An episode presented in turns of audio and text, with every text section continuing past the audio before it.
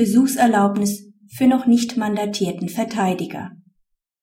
Einem Rechtsanwalt, der geltend macht, von einem Dritten mit der Verteidigung des Inhaftierten beauftragt worden zu sein, steht kein Anspruch auf eine Besuchserlaubnis zu.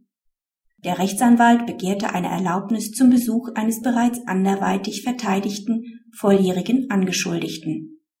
Der Anwalt machte geltend, von den Eltern des Angeschuldigten mit dessen Verteidigung beauftragt worden zu sein.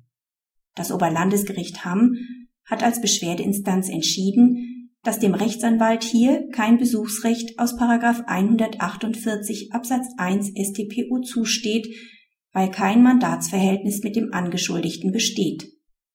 Es liegt ja auch keiner der Fälle vor, bei denen der Besuch der Anbahnung eines Mandatsverhältnisses dienen soll.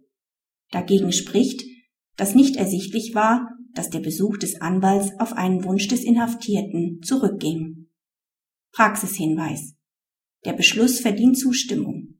Allein die Beauftragung durch Dritte berechtigt nicht zum Besuch. Durch den Anwalt ist zu dokumentieren, dass Dritte auf Wunsch des Inhaftierten auf ihn zugegangen sind und um einen Besuch gebeten haben.